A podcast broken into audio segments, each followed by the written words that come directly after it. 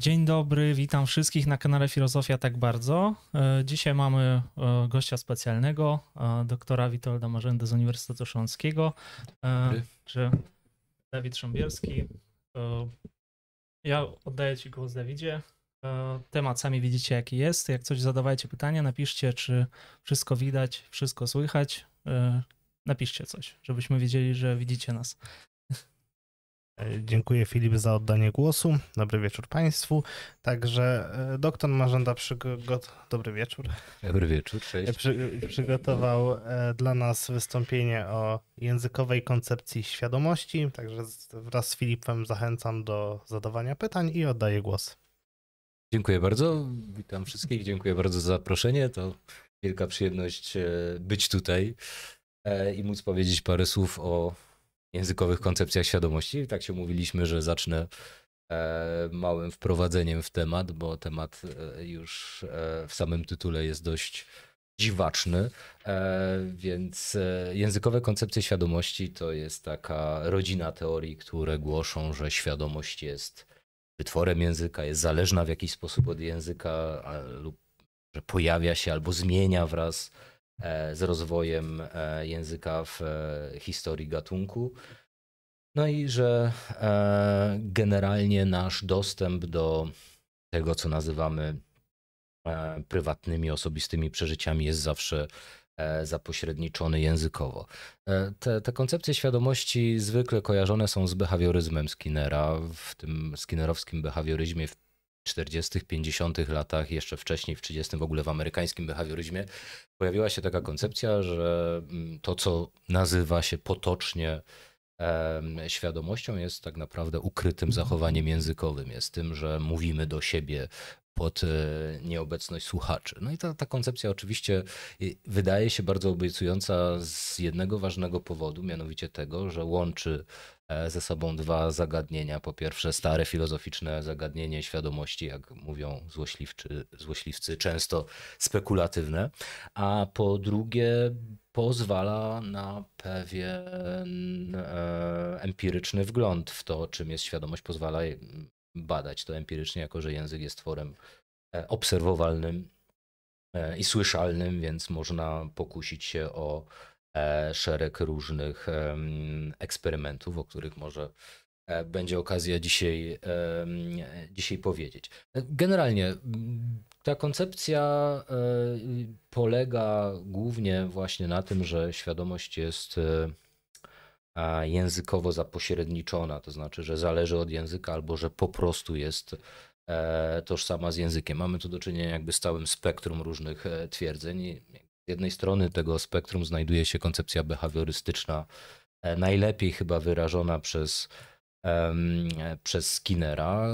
Najkrócej Skinnera e, e, świadomość jest pewnym wyuczonym zachowaniem prywatnym w języku. To znaczy jest takim zachowaniem ukrytym, kiedy produkujemy mowę sami dla siebie po to, ażeby e, pomagać e, sobie, przypominać sobie pewne rzeczy, motywować się, ganić się e, za e, różnego e, rodzaju działania, więc jest to pewien rodzaj e, autostymulacji, która pomaga nam e, lepiej radzić sobie, e, radzić sobie w świecie. No i Skinner opowiada taką e, historię w książce Science and Human Behavior e, dotyczącą tego, jak świadomość może powstać, bo zaznacza, że e, świadomość jest pewnym kulturowym tworem. To znaczy, ona może się pojawić w tych kulturach, w których e, to e, e, e, zachowanie jest premiowane, takie ciche zachowanie e, świadome i raportowanie własnych przeżyć jest w pewien sposób e, e, e, narzucone przez,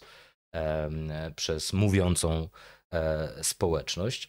Więc e, Skinner opowiada taką historię właśnie mm, warunkowania w takich sytuacjach, w których e, znajdujemy się wtedy, kiedy sami mamy wgląd do czegoś, co Skinner nazywa zdarzeniami prywatnymi. Stąd myślę, że, że, że, że właśnie w tym okresie pojawia się też skądinąd to taka mała dygresja, dość ciekawy problem prywatnego języka, który potem porusza Wittgenstein, który potem poruszył bardzo wielu e, innych filozofów.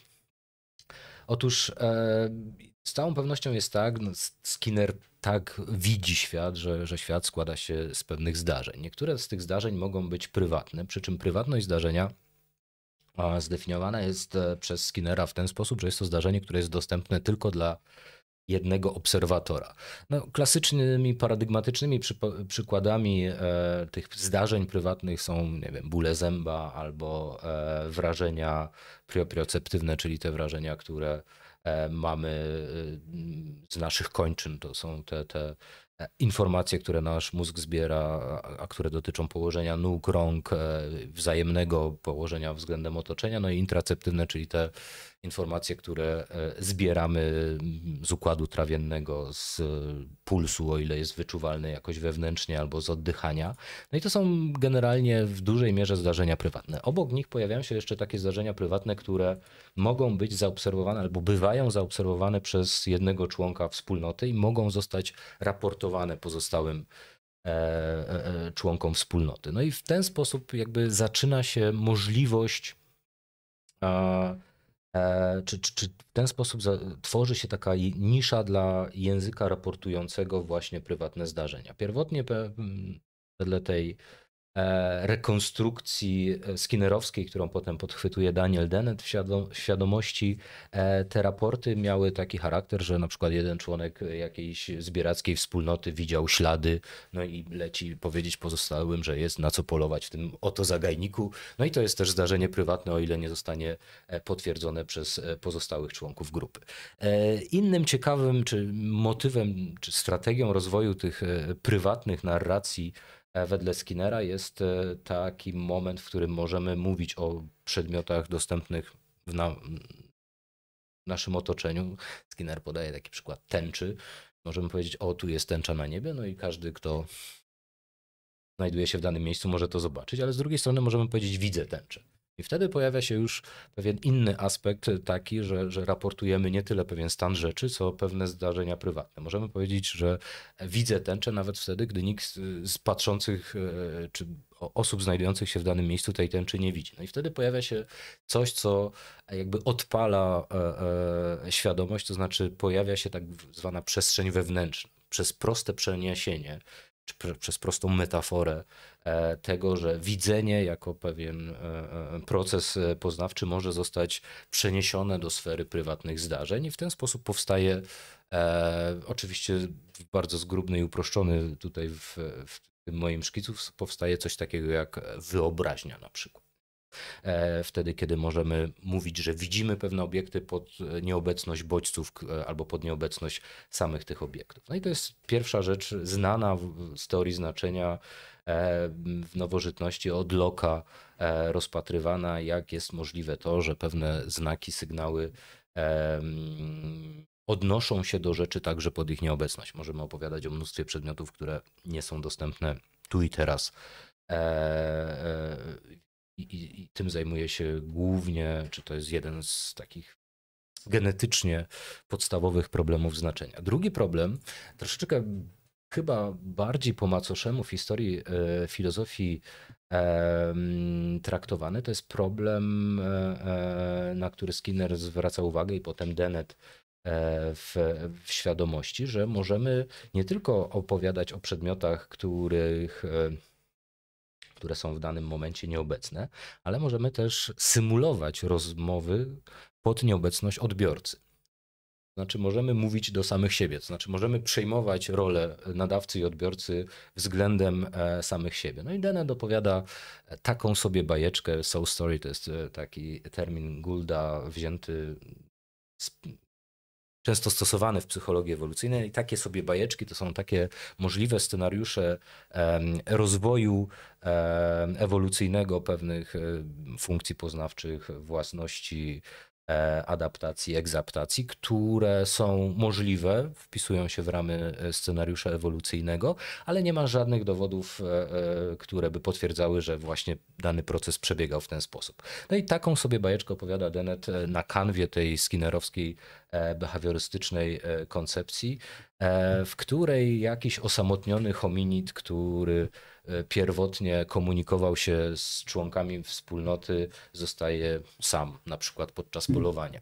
No i wyobraźmy sobie, że jest to jakiś młody osobnik, który jeszcze niezbyt pewnie trzyma dzidę w dłoni, no a staje oto naprzeciwko jakiegoś zwierza, którego warto ze względu na dobro całej gromady upolować. No i ten E, że nieszczęśnik zaczyna sam do siebie mówić e, i przypominać sobie instrukcje, które słyszał wcześniej od swoich pobratymców, tak, trzymaj dzidę mocno wysoko nad głową, nie bój się, nogi mocno na ziemi i tak dalej, czyli tworzy się taka pętla e, autostymulacyjna, dzięki której język zaczyna pomagać nam, stymulować nas, dodaje e, odwagi e, owemu biednemu hominidowi. No i pierwotnie e, ta, taka sobie bajeczka służy jako taki paradygmatyczny model tej behawiorystycznej części tych e, koncepcji językowy, językowych koncepcji świadomości.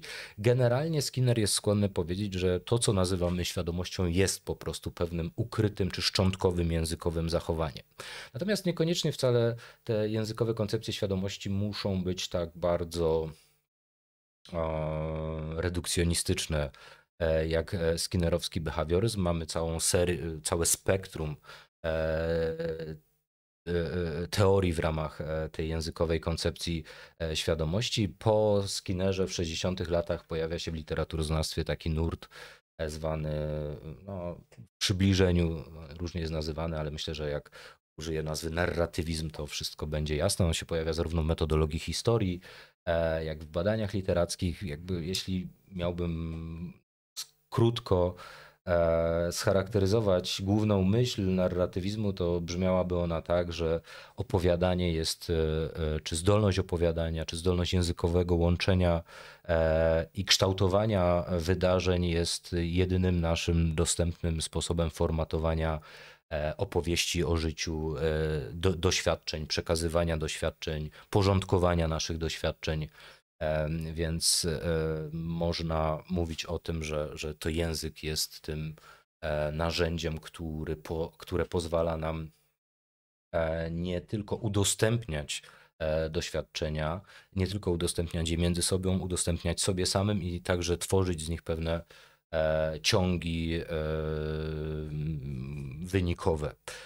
Czyli język w tym, w tej koncepcji jakby pozwala nam opowiedzieć o, e, o, o całości pewnych doświadczeń. Czyli mówiąc krótko e, e, i sięgając do filozoficznego języka Kanta, jest mm, mechanizmem tego, co, co, co Kant nazywał w pierwszej krytyce apercepcją. Pozwala nam pomyśleć czas od poranka do wieczora, właśnie dlatego, że możemy opowiedzieć historię E, jakąś, która zaczyna się o poranku, kończy wieczorem, albo zaczyna się wraz z narodzinami, a kończy wraz ze śmiercią, i możemy pomyśleć sobie tego rodzaju sekwencje i tego rodzaju wycinki e, jakiejś historii, właśnie dzięki temu, że posiadamy pewne e, struktury językowe i struktury opowiadania. McIntyre w dziedzictwie cnoty też korzysta z tych koncepcji, mówiąc o tym, że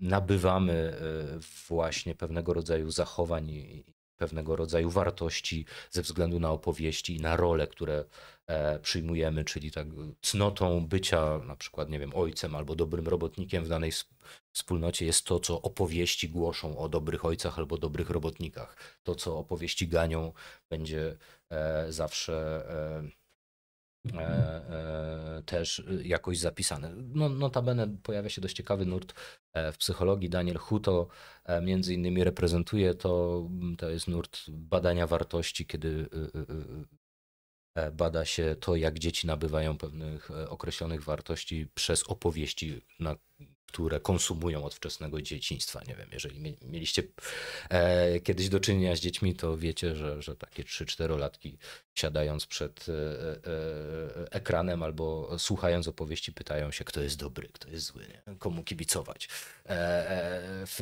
w, w, tej narracji. No i takie rzeczy e, bada Daniel Huto. No ale oczywiście cała ta koncepcja jeszcze ma bardzo wiele innych odnóg. Można pójść w stronę takiej hipotezy, którą Dan Slobin e, głosił, myślenia dla języka, która wywodzi się ze słynnej hipotezy Sapira Worfa, głoszącej, że e, język jest po prostu formatem e, formatem naszego myślenia, to znaczy język etniczny. Myślimy zawsze w języku.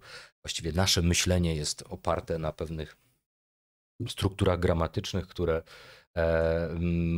pojawiają się w, w kodzie, którym się posługujemy. No i e, oczywiście można tu nawiązać też do, do, do słynnej frazy Wittgensteina dotyczącej e, tego, że granice świata są wyznaczone przez E, przez e, granice języka. E, ta koncepcja jakkolwiek dużego rozpędu nabrała w XX wieku, przede wszystkim w, w badaniach behawiorystów, ma swoje historyczne zaplecze. To znaczy, no, to, to, ten, ten koncept Skinnera, wcześniej jeszcze George'a Mida dotyczący rozmowy czy autostymulacji e, językiem oczywiście znajduje się u Platona w słynnej e, e, metaforze myślenia jako rozmowy duszy samej sobą. Jeżeli czytamy za Gadamerem definicję człowieka Arystotelesa, no to wiemy, że człowiek jest zwierzęciem, zwierzęciem gadającym. No po drugie w, w XVIII wieku bardzo często i chętnie rozprawia się też o pierwotnym języku E, e, ludzkości. No, później w XX wieku mamy hipotezę Dana Everetta, e, tego deiktycznego, pierwotnego prajęzyka. Mamy ciekawe badania Waltera Onga, który co prawda nie zajmuje się językiem samym i, i świadomością niejęzykową, ale tym jak pismo zmienia świadomość, myślę, że dzisiaj już z całą pewnością to raczej chyba jest dość mocno E, poparte dowodami możemy mówić o tym, że, że pewnego rodzaju dziedziny naukowe nie byłyby możliwe bez pisma, taka, takie jak matematyka, nawet niezbyt skomplikowana, ale operująca na dużych liczbach jest właściwie niemożliwa bez pisma. Więc skoro pismo, jak to Walteron w świetnej książce Oralność i piśmienność zmienia świadomość, no to możemy sobie wyobrazić, jak bardzo zmieniają, czy może nawet powołuje do życia e, samo powstanie języka i samo powstanie dość skomplikowanej syntaktycznej syntaktycznej komunikacji. No i wreszcie warto też wspomnieć o, o, o, koncepcji Donalda Davidsona, który twierdzi, że właściwie myślenie jest możliwe tylko, e, tylko na, na, na gruncie języka. Tutaj pojawia się bardzo wiele różnych e, ciekawych e, w tym, w tym toposie pojawienia się, czy powstania, czy prajęzyka, czy protojęzyka, bardzo wiele różnych koncepcji z bardzo, wywodzących się z bardzo wielu różnych filozoficznych tradycji. No i wreszcie ten trzeci topos obok Platona i tego pierwotnego języka, który też jest dość ważny w, w historii filozofii, to taki topos języka uniwersalnego czy języka myśleńskiego. Jerry Fodor w XX wieku napisze e, książkę w 1978 roku publikowaną Language of Thought, w której twierdzi, że każdy podmiot poznający jest de facto podmiotem językowym, bo jeżeli posiadamy jakieś reprezentacje i w jakiś sposób reprezentujemy świat, to te reprezentacje mają charakter w cudzysłowie przynajmniej składniowy, dlatego że na przykład e, poznanie wzrokowe jest pewną składnią ruchu, koloru, kształtu i nasz mózg musi te elementy przetworzyć, a potem złożyć w pewien e, percept. No i jakby myślę, że, że to jest ta podstawowa idea Fodora, która pozwala mu ten pomysł uniwersalnej gramatyki Chomskiego zastosować do, e, do, e, do poznania. Więc e, te, te, ta koncepcja świadomości językowej jest bardzo stara. Jednym zasadniczym problemem, myślę, że tutaj warto go wskazać, jest sama, samo pojęcie świadomości. Otóż to jest, nie wiem, NetBlock nazwał świadomość kundlem. Znaczy, to jest takie pojęcie, które jest złożone z bardzo wielu różnych innych e, e, pokrewnych. E, pojawia się dość stos stosunkowo dość późno, bo mniej więcej 200 lat temu zaczyna e, być gościć częściej e, e, w pismach filozofów. No i bardzo często mylona jest z takimi, czy mylona, czy, czy, czy trudno tutaj mówić o pomyłkach. Myślę, że wszystkie rozróżnienia i definicje mogą być tutaj jedynie arbitralne. Z pokrewnymi pojęciami, zwłaszcza w naszych czasach, są to pojęcia umysłu i jaźni. Jakkolwiek, no oczywiście tutaj jeszcze e, mamy starszych e, kandydatów, takich jak rozum i intelekt na przykład, czy dusza jeszcze, e, czy rzecz myśląca Kartezjusza. Myślę, że, że bardzo trudno byłoby E, rozstrzygnąć takie pytanie, chyba jest to pseudopytanie, czy rzecz myśląca Kartezjusza daje się utożsamić ze świadomością. Nie, dlatego że Kartezjusz nie używał takiego e, po prostu pojęcia. Więc e, każda e, próba ugryzienia tematu nie tylko językowej świadomości, ale świadomości w ogóle, musi, jak sądzę, no i to jest nie wiem, teza, którą chciałbym może poddać pod dyskusję, bo wydaje mi się ona ciekawa, musi zaczynać się od pewnej arbitralnej definicji. Pytanie, które można by tutaj zadać, jest takie, czy można w ogóle e, jeszcze e, próbować odkrywać istotę świadomości? Czy nie jest tak, że jakiekolwiek badania, jakiekolwiek rozważania na temat świadomości muszą zacząć się od pewnej arbitralnej definicji tego, tego pojęcia? Ja jestem przekonany, że, że, że raczej tak, że tutaj możemy badać świadomość, owszem, ale tylko e, pod tym warunkiem, że jasno e, zadeklarujemy, jak rozumiemy to pojęcie i tego rozumienia będziemy się trzymać. No i takich rozumień pojęcia świadomości, żeby już zakończyć to. E, to wprowadzenie jest bardzo wiele. Jak pewnie wiecie, no świadomość na przykład w psychologii bardzo chętnie definiuje się poprzez uwagę czy procesy uwagowe. Tak? Możliwość skupiania czy przenoszenia świadomości jest często utożsamiana albo przynajmniej wiązana z uwagą. To, co jakby wchodzi blisko w e, zakres tematyczny tych językowych koncepcji świadomości, to fakt, że generalnie świadomość przez większości badań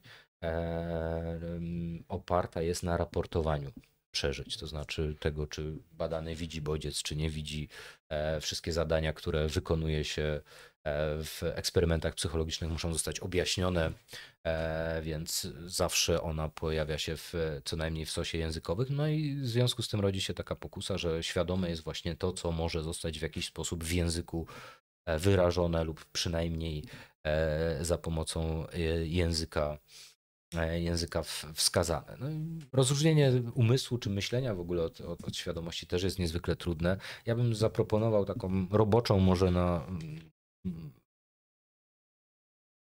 jako punkt wyjścia służącą definicję, żeby e, powiedzieć, że świadomość jest to sposób łączenia informacji, e, a umysł jest to po prostu sposób przetwarzania informacji, który e, prowadzi do wyprodukowania albo do gotowości do jakiegoś zachowania. I teraz NetBlock podał też taką bardzo e, kontrowersyjną z jednej strony, a z drugiej e, popularną typologię e, świadomości, w której dzieli świadomość na świadomość fenomenalną i świadomość dostępu. Świadomość fenomenalna to jest fakt odbierania bodźców czy tego, że widzimy, słyszymy, e, rozróżniamy i rozpoznajemy. No a świadomość dostępu to jest ta świadomość, która pozwala nam kontrolować zachowanie, wybierać informacje służące do rozwiązania pewnych problemów, albo skupiać uwagę, albo produkować mowę także. Ale tych typologii świadomości jest bardzo wiele. Nie wiem, Christopher Koch na przykład zaproponował taką koncepcję, zgodnie z którą świadomość jest elementem uczenia się takim,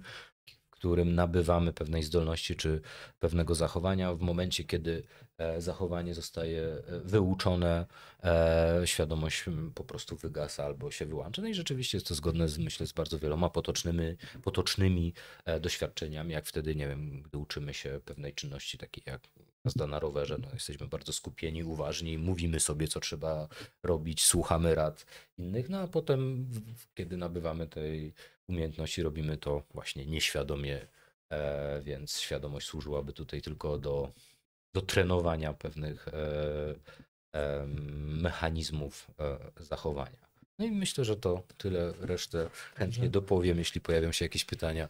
Tak. To ja może zacznę od tego, że ogląda nas w tej chwili 60 osób. Ja bym poprosił wszystkich polajkować ten stream na YouTubie i zasubskrybować nasz kanał. W ten, możemy dotrzeć do większej ilości osób w ten sposób. I pierwsze takie pytanie, które tutaj mi się nasuwa, skoro nie da się zdefiniować, e, czy podać jednej definicji świadomości, czy w ogóle podanie jakiejkolwiek definicji świadomości o, nie. Czy podając definicję świadomości, nie popełniamy błędu kategorialnego, który polega na tym, że po prostu pytamy, gdzie jest ta świadomość, a tak naprawdę świadomość jest właśnie zbiorem różnych funkcji świadomości, nie wiem, mhm. czy różnych funkcji umysłu. No, zamieszanie pojęciowe, to już później jeszcze mam pytanie, jaka jest różnica może pomiędzy umysłem a świadomością? E, ale może na samym początku, czy da się uniknąć takiego błędu kategorialnego, zbyt uogólniającego tą kategorię świadomości? Myślę, że tak, że, że odkąd Ryle odkrył coś takiego Mhm. jak błąd kategorialny i, i, i, i zneutralizował, to, to raczej błędu kategorialnego racz, nikt już e, przynajmniej e, e, świadomie i grubiańsko nie popełnia, więc sam zdefiniowałeś właśnie świadomość jako zestaw zdolności po prostu, e, Tak. albo jako dyspozycję do e, pewnego repertuaru zachowań. No i w, w takiej definicji nie ma już błędu kategorialnego i myślę, że bardzo wiele innych definicji, takich jak nie wiem, definicja uwagowa, e, czy definicja e, mówiąca o tym, że świadomość udostępnia treści e, przeżyć, nie są obarczone błędem kategorialnym. Dobrze, to jak już mówimy o tej e, koncepcji e, świadomości językowej, e, to rozumiem, że jest ogół różnych koncepcji, ale no pytanie takie jest, która, która jest bardziej jakby rozbudowana, czy jakie jest kryterium oceniania tych, katego, e, tych koncepcji różnych, czy jest jakaś jedna właściwa? Przepraszam za takie pytania, ale lubię, chciałbym to jakoś tak mm, bardziej uszczegółowić ten moment. No, dziękuję za, za to pytanie, e, bo, bo mm, mm, słowa koncepcja używam tutaj bardzo szeroko. To jest Mhm. po prostu pomysł, pewien zamysł. No i ten zamysł, jeśli chodzi o językową koncepcję świadomości, polega na tym, że język jest zależny albo po prostu jest, w zależności od tego, jak mocną tą tezę chcemy głosić, jest po prostu e, e, świadomością. Natomiast poszczególne teorie mogą się różnić. I wydaje mi się, że koncepcji świadomości jest Eee, no, stosunkowo niewiele. Eee, Generalnie można by je podzielić chyba na, e, na takie, ze względu na język, na, na dwie duże rodziny. To znaczy taka, która głosi, że świadomość jest wraz z językiem lub po języku, e, jak C. Skinner i, i behawioryści Dennett, między innymi, czy Gazaniga e, również, e, Metzinger i dość e, wielu zacnych e, skądinąd badaczy. No i mamy tą tradycyjną mentalistyczną koncepcję, która pojawia się wraz e, z mentalistycznym paradygmatem, kiedy mamy takie wyobrażenie, że s- działania mentalne czy e, operacje umysłowe zostają wtórnie wyrażone w nabytym języku, ale są od niej e, niezależne. No i w ramach obu tych koncepcji możliwych jest bardzo wiele różnych teorii, podteorii, ujęć i tak dalej. Tak, tak używałem tych pojęć. Dobrze, y, ja, żeby tutaj nie zabierać cały czas e, e, ten czas właśnie streamu, to możecie zadawać oczywiście pytania i e, aha, już widzę, że kilka, kilka jest. Może Dawidzie, ty miałeś, też wiem, że tutaj zapisałeś dużo różnych rzeczy, wid- widzę i nie, nie wyobrażam ile ty masz pytań teraz. Znaczy, ja, ja pytania mam, ale możemy dać widzom, a ja będę moje wykreślał, jak padną. Dobra, a, to tak. Czy współczesna nauka potwierdza założenia filozofii Heideggera i Wittgensteina na, na temat języka? Współczesna nauka, no.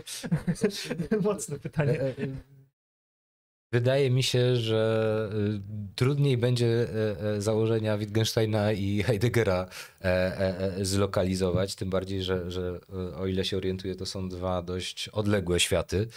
E, Generalnie Wittgenstein, e, zwłaszcza późny, był dużej mierze, no, nie odważyłbym się powiedzieć behawiorystą, e, ale z całą pewnością filozofował bardzo blisko behawioryzmu, o czym świadczy y, sam problem języka prywatnego, który wywodzi się właśnie e, z, e, z tej tradycji. Natomiast no, pojęcie języka u Heideggera jest dla mnie troszeczkę mniej znane, jakkolwiek no, mam e, niejakie wyobrażenie o tym, jak w tradycji fenomenologicznej e, modeluje się e, funkcjonowanie języka. Mhm. No i teraz, czy współczesna nauka potwierdza te założenia?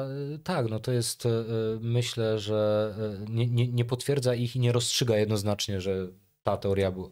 Jeszcze mam Tak. takie pytanie, o, o jaką współczesną naukę chodzi? Czy o psychologię? Bo tutaj też Widz nie, nie zadał niestety nam pytania, o, o jaką konkretnie może naukę chodzi, bo tak bardzo ogólnie science, czy ja nie wiem. Znaczy, zakładam, że chodzi tutaj ogólnie o cognitive science, czyli Aha, o, no o nauki o poznaniu. Dobrze. E, No i e, one, jeśli miałyby potwierdzać jakieś założenia, to raczej e, skłaniają się w stronę tych behawiorystycznych e, założeń. No, mamy tutaj dość długą tradycję badań na ludziach z rozszczepionym mózgiem, które e, prowadził Gazaniga. E, natomiast nie jest tak, że, że, że te koncepcje fenomenologiczne zostają odrzucone. One są po prostu trudniejsze do tego, żeby przetworzyć je na aparaturę, e, na, na procedury e, eksperymentów empirycznych. Więc raczej trudno tutaj powiedzieć, że, że, że, że możemy dzisiaj rozstrzygać jakiekolwiek filozoficzne problemy. Raczej jest tak, że że filozofowie dostarczają pewnych e, e, heurystyk i kierunków i strategii badań, aniżeli e, konkretnych, konkretnych hipotez, które dałyby się testować w laboratoriach. Jeżeli chodzi o jakieś neuronauki, to raczej potwierdzają, czy wchodzą w sprzeczność, to filozofowie raczej dostosowują się do tego, co badają, czy odkrywają neuronauki, pisują może. Znaczy, po pierwsze, no, trzeba zacząć od tego, że w dzisiejszych mhm. neuronaukach mamy e, pewien kryzys, e, tak zwany kryzys replikacyjny, który polega e, na tym, że te wielkie, słynne laboratoria, które działają na tym samym sprzęcie, na przykład na fMRI albo e, jakimś innym mhm. Sposobie obrazowania mózgu, najczęściej jednak na fMRI, na EG również, e, powtarzając badania jedno laboratorium drugiego, dochodzą do różnych wyników. I teraz e, nie bardzo wiadomo, skąd się bierze taki e, dziwny kry, kryzys. I zawsze też było tak, nie, nie ma jakby e, nauka nie tylko współczesna, ale chyba nigdy nie mówiła jednym głosem. E, więc e, zawsze było tak, że, że pojawiały się różne teorie. Jeżeli chodzi o, o potwierdzanie tych koncepcji języka filozoficznych e, rozmaitych, no to raczej jest tak, że to filozofowie, przynajmniej tak było w XX wieku, wyznaczali pewne kierunki badań. Czyli na przykład wspomniany przeze mnie Jerry Fodor ze swoją hipotezą języka myśleńskiego wyznaczył taki kierunek badań modularności umysłu. To znaczy Zgodnie z tą hipotezą języka myśleńskiego jest tak, że pewne procesy poznawcze są mocno połączone z pewnymi ośrodkami w mózgu i są przetwarzane dokładnie w tych ośrodkach mózgu i istnieje pewien e, moduł centralny albo wedle innej hipotezy pewna koalicja modułów, które wpływają na, na nasze zachowanie. I w ten sposób badano mózgi rzeczywiście od czasów Broki, Wernikego i XIX-wiecznych obserwacji metodą urazową, która polegała na tym, że obserwowano pacjenta za życia, patrzy, patrzono jakie ma dysfunkcje poznawcze, a potem kupowano jego zwłoki, wycinano mózgi, oglądano e, jakie lezje, czyli jakie uszkodzenia ma w poszczególnych obszarach. Tak Broka oczywiście odkrył słynny ośrodek mowy, Werniki ośrodek e, e, e rozpoznawania języka. No i, Fodor w ten, w ten sposób też e, widział jakby empiryczne zastosowanie e, e, swoich badań. Ale nie jest bynajmniej tak, że te badania potwierdzają koncepcję Fodora. One po prostu od niej wychodzą i szukają, idą w tym kierunku. No i rzeczywiście sprzęt, który dzisiaj mamy, czyli mm, ten najbardziej zaawansowany do, do e, śledzenia konsumpcji natlenionej krwi w mózgu, bo na tym polega fMRI, że, że w, przy pewnych bodźcach e, jakie się zadaje e, badanemu, obserwuje się, które części mózgu albo w jakich sekwencjach te części mózgu e, się aktywują. Jest faktycznie tak, że mm, istnieje bardzo mocna tendencja do tego, że pewne, pewne sygnały, takie jak mowa, albo rozpoznawanie twarzy, albo rozpoznawanie ruchu, czy barw są zlokalizowane w pewnych modułach i co potwierdzają potem badania osób, które ten ośrodek e, mają e, uszkodzony. Natomiast e, bardzo trudno jest mi podać przykład takiej teorii filozoficznej, która by na przykład, która by została sfalsyfikowana przez, przez te badania. Raczej jest tak, mhm. że te badania wyznaczają pewne strategie, przynajmniej na razie E, poszukiwań, aniżeli zostają. Jeśli jest... mógłbym tylko, to jest bardzo ciekawe odnośnie właśnie tego wyznaczania ty, tych strategii, pewnych badań, bo to po pierwsze, jeżeli już próbujemy mówić, czy powiedzmy ta, coś z późnej filozofii Wittgensteina ma potwierdzenie we współczesnej nauce.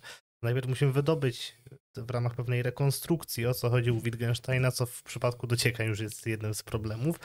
A do tego jeszcze jednak warto chyba spojrzeć odnośnie tego, co powiedziałeś, że, że to jest pewien namysł nad językiem, który ma ciągłość, więc jeżeli patrzymy na współczesną na, na, naukę, to dociekania filozoficzne inicjowały wiele takich powiedzmy programów badawczych, no ale trudno o tym mówić jednoznacznie w kontekście jakimś, żeby to przykładać do współczesnej nauki, a to jest aktualne, to nie, że to jakby wydaje mi się, że sam pro problem jest trochę postawiony w sposób mm, trudny do, do, do, do ujęcia i do odniesienia się. Zdecydowanie tak. Poza tym jest jeszcze jakby druga noga tego problemu, mianowicie taka, którą, na którą wskazał Wilfried Sillars, że, że rolą filozofii jest budowanie takiego stereoskopowego czy globalnego obrazu całości nauk, czyli filozofia jakby wydarza się po nauce i, i, i składa te elementy, które dostarczają, e, e, e, których dostarczają poszczególne e, dyscypliny w, pewno, w pewien obraz, w pewną całość. E, stąd e, gdyby można było bezpośrednio E, chociaż to się zdarza czasami e, w kognitywistyce, ale niezwykle rzadko, tak jak na przykład w problemie crossmodalności, czyli słynnym problemie mulinią, który myślę, że może zostać w najbliższych cza w czasie rozwiązany, ale on nie dotyczy języka. E, gdyby można było bezpośrednio filozoficzne hipotezy w dość szybki i prosty sposób weryfikować, falsyfikować, odrzucać, sprawdzać, no to mówilibyśmy o końcu filozofii po prostu, bo Niektórzy próbowali skończyć, ale się nie udało. E, czy świadomość jest emergentna, czy jest podstawową, nieredukowalną właściwością? Pytają na Facebooku. To pytanie jest trudne, dlatego że jakby emergentny i nieredukowalny jest bardzo jakby pokrewny, jakby na to nie patrzeć. E, tak wydaje mi się, że dałoby się trochę zrekonstruować to pytanie, że bardziej czy jest emergentny, czy właśnie czy jest redukowalny. Może. Po pierwsze, nie potrafię odpowiedzieć na to pytanie. To jest e, niezwykle e, e, e, e trudna e, sprawa. Te, te koncepcje emergencji, no, wydają mi się, ten obraz, który się zawiera pierwotnie w, w, w tym pojęciu, jest niezwykle obiecujący. Natomiast no, wydaje mi się osobiście, ale nic sobie nie dam za to uciąć nawet kawałka paznokcia, bo to jest nie bardzo potrafię argumentować, e, e, szczerze powiedziawszy, za, za tym, tylko do pewnego stopnia.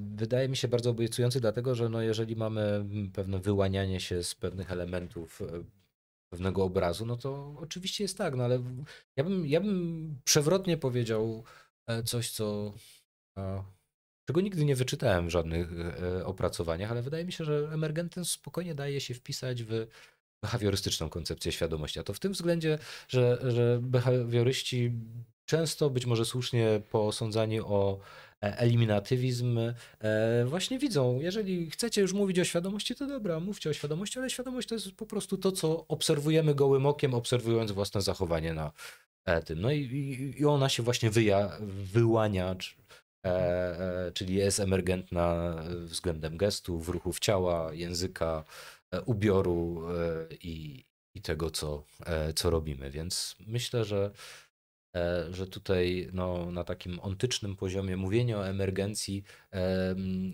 wywodzi się jakby z innej, innej tradycji filozofowania troszeczkę.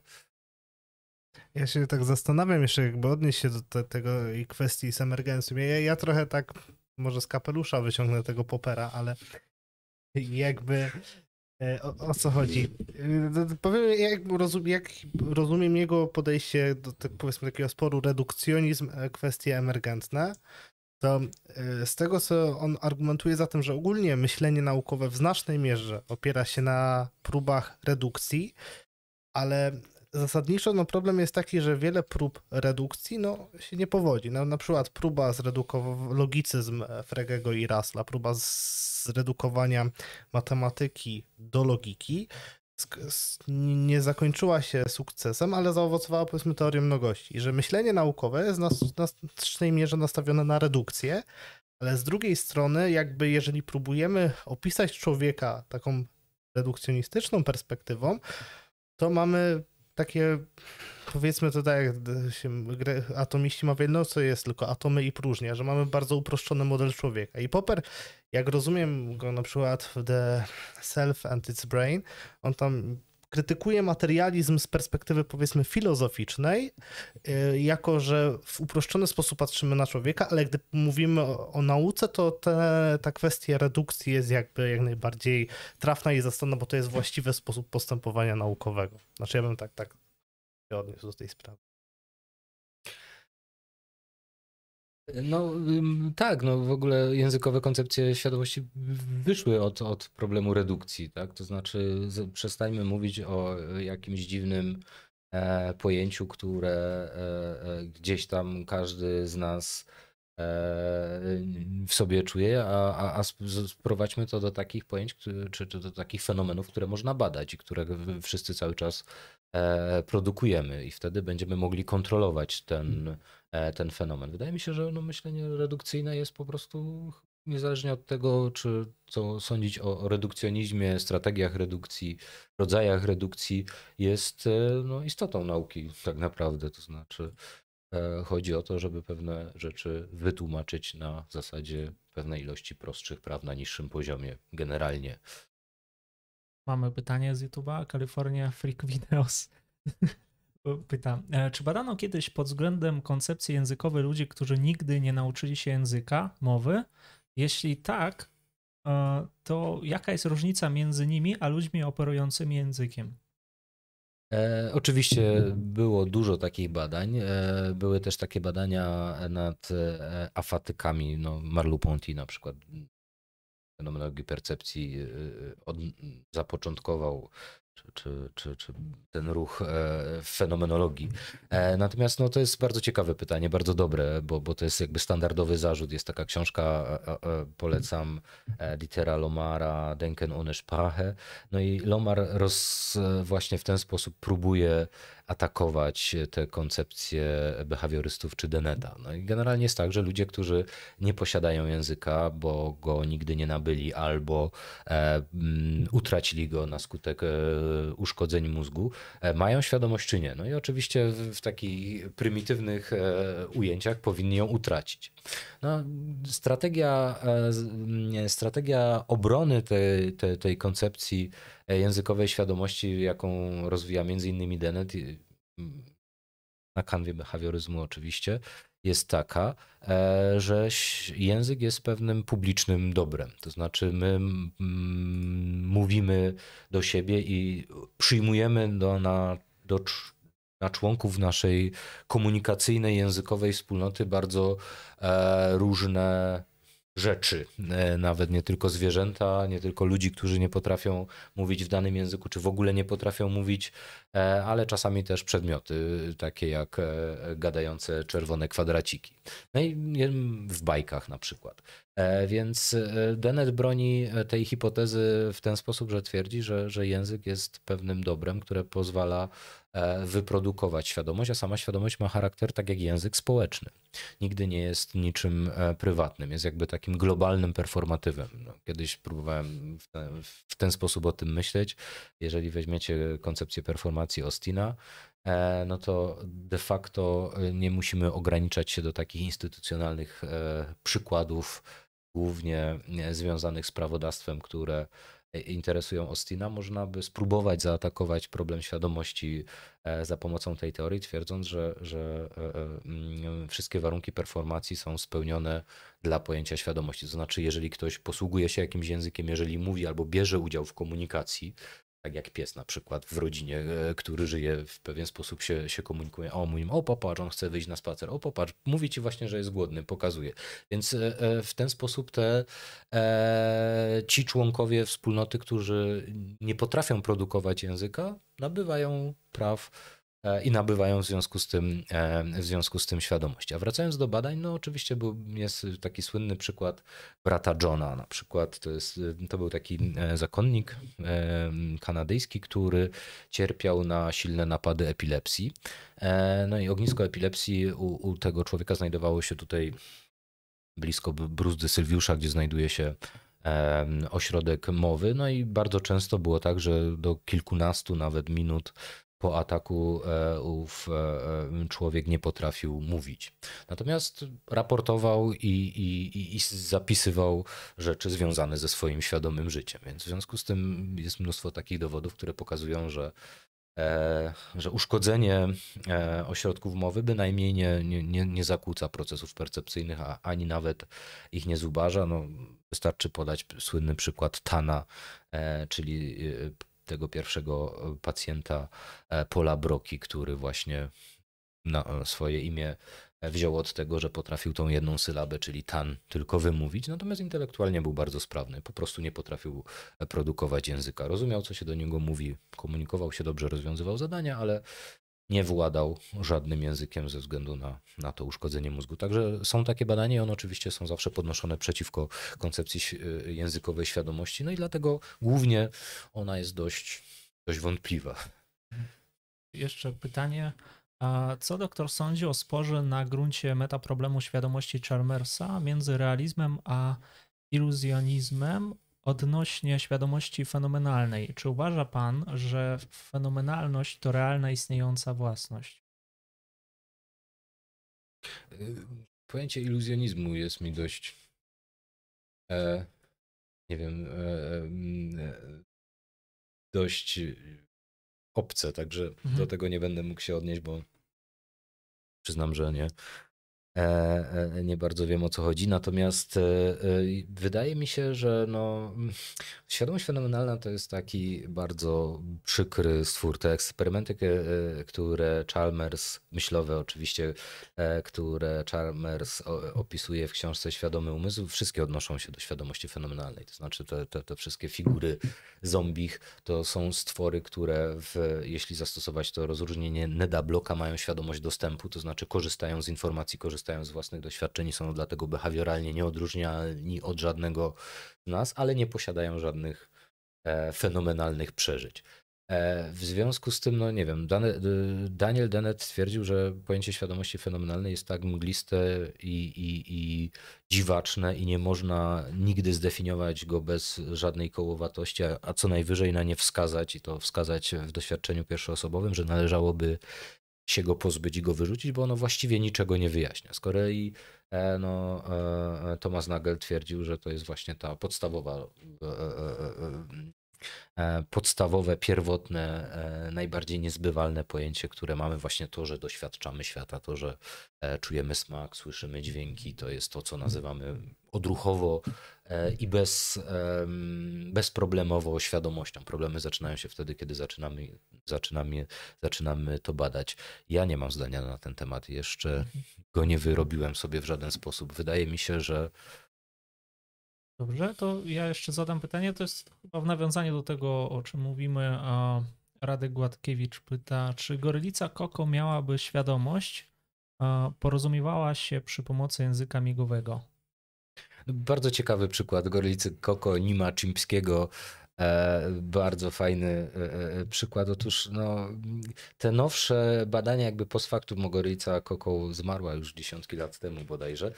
O ile pamiętam jej historię, to, to życia dopełniła w Indiach, bo to była taka gorylica, która żyła na kampusie Uniwersytetu Stanforda, była wypożyczona do badań, potem ją zbierano fundusze, żeby ją wykupić. No i gorylica Koko z całą pewnością, nawiązując do poprzedniego pytania, miała świadomość fenomenalną, o ile dopuścimy coś takiego. Natomiast e, te późniejsze badania nad e, językiem, no, czy właściwie nad transkrypcjami tego, co Gorylica Koko e, mówiła do ludzi, do, pokazują, że właściwie jej językowe zachowanie nie wykraczało poza poza imitację. Znaczy, to typowe dialogi z gorylicą Koko wyglądały tak, że ktoś wchodzi do pokoju, w pokoju stał kwiatek wielki w doniczce, który Koko obgryzła e, i ktoś pyta Koko, go, czemu obgryzłaś kwiatek? A Koko mówi, no kwiatek obgryziony. A, a kto obgryzł kwiatek? Przecież nie Franek. A ona mówi Franek. A, a, czyli jakiś inny e, mieszkaniec e, tego e, apartamentu, gdzie żyła gorylica Koko. Ale przecież Franek, e, ludzie nie jedzą kwiatków. Ludzie jedzą kwiatki. No i generalnie Koko bardzo dużą część swoich zachowań werbalnych e, e, e, wedle, nie wiem, Robert Sapolski między innymi opowiada takie historie na, na swoich wykładach, a miał styczność bezpośrednio z samą Koko.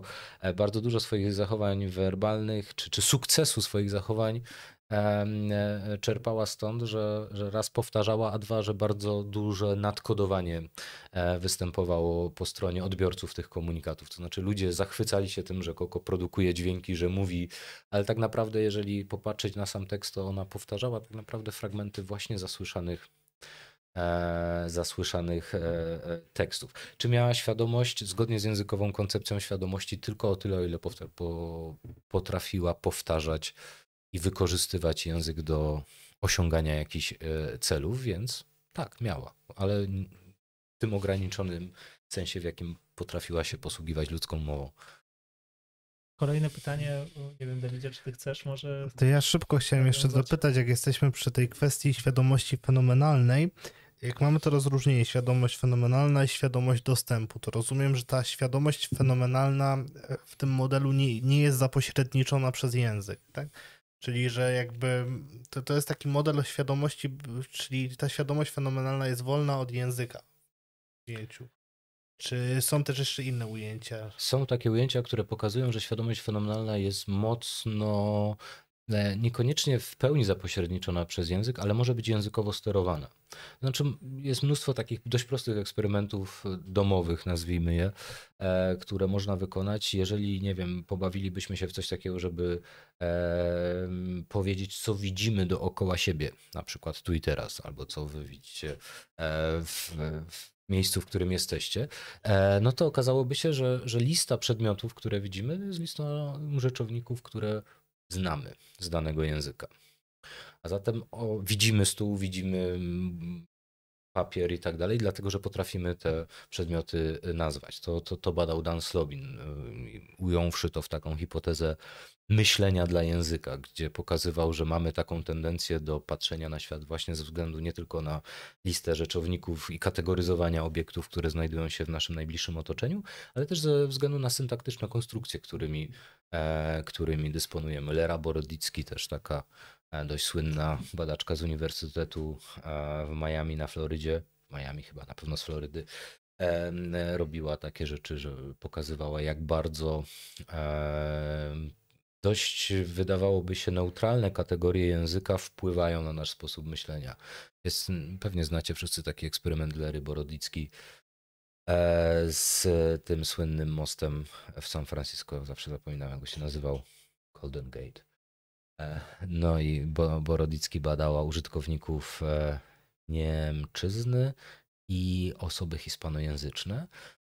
No i w e, języku hiszpańskim most ma rodzajnik męski, tak jak w języku polskim jest ten most, a w niemieckim jest die Brücke, czyli ma rodzaj żeński. No i teraz w zależności od tego pokazywała zdjęcie badanym, no i badani mieli opisać, co widzą na, na zdjęciu. No i osoby hispanojęzyczne e, mówiły o tym moście w takich bardzo mocnych ma maskulinarnych kategoriach, że silny, dobrze zbudowany, solidny. Natomiast e, germanofoni mówili o tym, że ma piękne kształty, delikatne linie i tak dalej. Więc e, istnieje dość duża tradycja robienia takich dość prostych eksperymentów, które pokazują, że, że, że z całą pewnością język nie jest neutralny, nie jest takim izolowanym całkowicie modułem względem świadomości fenomenalnej. Natomiast no, bardzo trudno się dobrać do, do tej świadomości fenomenalnej i pokazać tutaj e, coś, coś więcej. Skoro zaczęliśmy mówić o tym języku, to ja mam pytanie związane właśnie z takim językiem no, narodowym, etnicznym. Czy e, mówienie w jakimś języku konkretnym ma też oczywiście wpływ na działanie świadomości? Na przykład język polski tak działa, język angielski tak działa, niemiecki tak i inne, nie wiem, inne skojarzenia pewnie wywołuje. Jak to się przekłada na zdolności kognitywne? No, istnieje stara hipoteza, e, którą lansowali Herder, e, Johann Herder, e, Wilhelm von Humboldt. No a, a do dzisiaj raczej nazywa się ją hipotezą Sapira-Whorfa, która głosi, że nasze zdolności kognitywne, to jest taka mocna wersja tej hipotezy, są na sztywno i mocno połączone z naszymi zdolnościami kognitywnymi, czyli my potrafimy myśleć, rozpoznawać e, za e, o tyle, o ile potrafimy mówić i korzystać z pewnych konstrukcji językowych. I języki etniczne, z którymi się posługujemy, determinują nasze sposoby e, postrzegania, e, postrzegania rzeczywistości. E, Worf e, pokazywał to na przykładzie języku, języka Indian Hopi, które są zbudowane zupełnie inaczej, nie mają kategorii czasu i twierdził, że gdyby Hopi e, zbudowali swoją fizykę, no to byłaby ona zupełnie inaczej skonfigurowana niż ta, którą my znamy, bo, bo każda nauka jest po prostu przedłuże, przedłużeniem pewnych gramatycznych, e, gramatycznych kategorii. Dzisiaj raczej mm, używa się, czy, czy tą, tą hipotezę Sapira-Whorfa e, widzi się w takiej łagodniejszej wersji, to znaczy przez pryzmat, e, o może Kahnemana widzę, e, myślenia szybkiego i wolnego, bo to jest oryginalny tytuł tej książki. To znaczy, w takim szybkim myśleniu faktycznie jest tak, że, że języki, którymi się posługujemy, bardzo mocno e, wpływają na, na nasz sposób reagowania, widzenia świata. Natomiast nie jesteśmy, tak jak chciał Sapir, zdeterminowani i zamknięci w kręgu tego języka. Przechodząc do systemu drugiego, możemy e, się wyzwolić spod e, gramatycznych, syntaktycznych i, i, i, i innych kategorii czy sposobu kategoryzowania, który jest e, wpisany w pewien język. Jest chyba trochę podobne pytanie do tego, o, o, co ja pytałem. E, czy językowa koncepcja świadomości przewiduje, zakłada istnienie relacji między poziomem erudycji a poziomem świadomości? Innymi słowy, czy różny zasób słów sprawia, że świadomość jest stopniowalna? Zdecydowanie tak. Jeżeli weźmiemy ostrą wersję tej, czy, czy tą radykalną wersję bliską behawioryzmowi, to faktycznie jest dokładnie tak, jak e, e, przedstawiono e, w tym pytaniu. To znaczy, w ogóle może nie pojawić się pojęcie świadomości. Być może jest tak, rozwijając tę myśl, że na przykład w pewnych kręgach nie ma takiego problemu. Ludzie ani są świadomi, ani nie są, bo po prostu nie, nie mają potrzeby mówienia o własnych przeżyciach, nie mają mogą być jakieś subkultury, kręgi kulturowe, klasy społeczne, bardzo różnie mogą przebiegać te podziały, ale dokładnie wedle tej zasady. To znaczy, w zależności od tego, czy istnieje w danej kulturze e, odpowiedni słownik i odpowiednia tradycja, czyli odpowiednie bodźcowanie mówienia o sobie, raportowania przeżyć, o tyle będzie występowała tam świadomość albo nie. E, pytanie od Jakuba Krasuckiego. Co pan doktor sądzi o języku inkluzywnym, neutralny? No, co ja sądzę o, e, o języku neutralnym płciowo? No, ja jestem bardzo e, otwarty na, na, różne kody językowe. Wydaje mi się, że, że kibicuję e, tym formom, jakkolwiek niektórzy uważają je za śmieszne, no to jeżeli są osoby, które chcą wyrażać się w ten sposób, no i są zrozumiałe i mogą osiągać swoje cele używając tego kodu, no to czemu nie? No, mhm. Jesteśmy w takim miejscu świata, w którym zderzają się języki. I, i, I, zawsze tak było, że było można mówić jak się chce, byle być zrozumianym przez innych. No i więc to. No tak. E, filozofia po prostu pyta: jeżeli świadomość jest wtórna do języka, to skąd to uczucie, że mam coś na myśli? Jakąś ideę lub jakieś uczucie, dla którego nie mogę znaleźć słowa w żadnym z języków, którymi mówię. Mm, piękne pytanie, dziękuję za nie. No oczywiście to jest jakby, e, e, próbuję się wywołać takie, e, myślę, że wszyscy mamy takie e, e, doświadczenia wypadających słów, które gdzieś, się, e, gdzieś znaliśmy, którymi chcielibyśmy użyć, a, a akurat nie, nie, nie, nie wchodzą nam na język i nie możemy ich wyartykułować. Jest cała seria eksperymentów, te, które pamiętam, dotyczą różnic między sekstansem a kompasem. To są dwa urządzenia z morskich opowieści, e, które przez laików bywają bardzo często mylone, ale jednak e, e, mogą być rozróżnione, więc próbuję się wywołać sytuacje, w których słowo sekstans gdzieś tam powinno być na końcu języka, zostaje, to w ogóle zjawisko całe w psychologii się nazywa właśnie na, na końcu języka, czyli mam pojęcie, mhm. ale nie potrafię przypisać mu żadnego słowa. No i oczywiście to jest też jeden z klasycznych zarzutów przeciwko językowej koncepcji świadomości.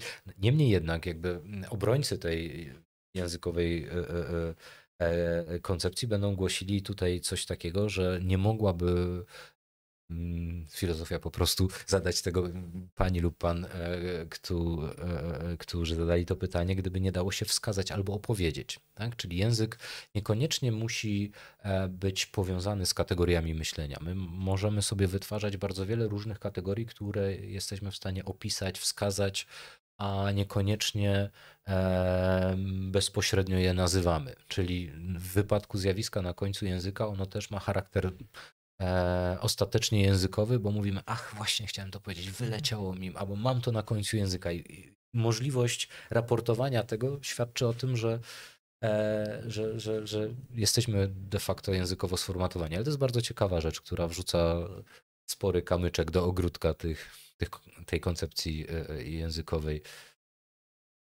Dawidzie, masz jakieś pytanie? Ja mam pytanie, które nazwałem sobie, e, ono dotyczy ontogenezy i filogenezy Kundla. Ale jakby tak, jeśli już mamy ten problem relacji język, świadomość, no i jeżeli mówimy o języku i świadomości, ich związkach, to możemy patrzeć na to z perspektywy ewolucyjnej, długiej, takiej biologicznej, ale też często zwraca się na uwagę, że ta, takie ujmowanie języka wikła się w pewne problemy, bo nie sposób jakby gdzieś te kwestie kulturowe przenieść na, na ten, znaczy, że jakby to powiedzieć, e, te kwestie dotyczące z jednej strony, czy jeżeli rozważamy sobie relacje język, świadomość, to z jednej strony mamy e, biologiczne predyspozycje, które warunkują gdzieś język, a z drugiej strony kulturowe, społeczne. I czy mógłbyś powiedzieć kilka słów, no bo na przykład jak mamy tą hipotezę Sapira-Wolfa, to mamy dwa języki, to już mamy mocny osadzony kontekst kulturowy. I mamy zastaną różność języków i zmierzam w pytaniu odnośnie tego jakiegoś wspólnego prajęzyka, który y, był na początku i czym byłby ten prajęzyk, jak on wyglądał, jakie są wyobrażenia na ten temat? No, wyobrażenia są bardzo bogate, a dowody bardzo skąpe. To znaczy, no, język nie jest w żaden sposób kopalnym e, zjawiskiem. E, to, co można próbować modelować, to przede wszystkim e, tutaj takie rzetelne dyskusje dotyczą e, datowania języka. Znaczy, kiedy powstał e, język, czy istniały homo sapiens, które jeszcze nie posługiwały się językiem? Raczej nie, dlatego że wszystkie kopalne szczątki, kościec tych wszystkich znalezisk wskazuje na to, że, że te osobniki miały krtań ukształtowaną tak jak my, czyli potrafiły produkować mniej więcej dźwięki, które mamy. Duży spór dotyczy neandertalczyków, których krtań była bardzo e, wysoko osadzona, to znaczy był, Neandertalczycy, jeśli posiadali język, to prawdopodobnie mówili tak jak szympanse, które dzisiaj uczy się języka, czyli tak harczeli, czyli ich język nie był dźwięczny e, bynajmniej. I, i, i ten język w związku z tym e, jako że musiał być bardzo, e, bardzo dużo energii spożywać z, z, całego zasobu, jakim dysponowały ciała tych ludzi y, był pewnie bardzo oszczędny, bardzo zdawkowy i krótki. E, jest taka hipoteza języka, e, którą głosi Dan Everett. E, to jest chyba naj, jedno z najstarszych datowań języka. Dan Everett twierdzi, że Homo erectus posiadał już pewien język deiktyczny czyli taki język, który opierał się na wskazaniach, na systemie dzielonej uwagi, a być może to jest jedna z naj, też kolejnych problemów tego pierwotnego języka, no, na, nasze języki, nasze, czyli wszystkie ludzkie znane języki, mają to do siebie, że rozrywają system dzielonej uwagi, czyli możemy komunikować się nie tylko e, co do tego, co, na co zwracamy uwagę tu i teraz między sobą, pokazywać sobie e, różne rzeczy, ale możemy mówić o o tym, co jedliśmy w zeszły wtorek na obiad i, i o tym, co się zdarzy za dwa miesiące i o tym, co mogłoby się zdarzyć za rok, gdybyśmy wygrali i tak dalej, i tak dalej. To znaczy mamy mnóstwo różnych możliwości rozwijania hipotetycznych sytuacji, które są kontrfaktyczne e, albo nieobecne po prostu. No i ten język wedle hipotezy Dana Everetta był już taki jedną nogą poza tą deiktyczną sytuacją. To znaczy my za pomocą, jak obserwujemy na przykład dzieci albo komunikację z psami, no to generalnie ona odbywa się na mm, podstawie tak zwanych holofraz, e, czyli takich wyrażeń typu, nie wiem, dziecko mówi daj albo jeszcze. No i w danym kontekście ca cała fraza jest łatwo zrozumiała, bo chce jeszcze jedzenia, albo chce, żeby dać mu coś, co e, trzymamy w ręce, albo pies szczeka i pokazuje na drzwi, więc komunikuje się w systemie dzielonej uwagi. No i teraz pytanie brzmi, jak ten deiktyczny kod, e, który jest możliwy między gatunkami, jest możliwy e, osob między ludzkimi osobnikami takimi typu bardzo młody człowiek, jednoroczny, no i człowiek, który e, posługuje się językami, przełamuje tą, tą barierę systemu E, dzielonej uwagi. Michał, Michał Tomasello takie, takie badania robił. Natomiast no, tutaj pojawia się właśnie w związku z Michałem Tomasello i Neandertalczykami też taka ciekawa rzecz. Nie znaleziono żadnej biżuterii neandertalskiej. E, co świadczy o tym, że Neandertalczycy prawdopodobnie nie potrafili przeprowadzić takiego rozumowania, które polega mniej więcej na tym, że jeżeli ja włożę sobie piękny naszyjnik albo ustroję głowę jak czaszką jakiegoś zwierzęcia, no to ty będziesz patrzał na mnie inaczej wtedy. Ja będę straszniejszy albo piękniejszy i tak dalej. Nie ma takich znalezisk, które świadczą o tym, że Neandertalczycy nie mieli tak zwanej intencjonalności drugiego rzędu, czyli nie potrafili symulować um, umysłów innych, czyli co ty pomyślisz, jeżeli ja zrobię coś.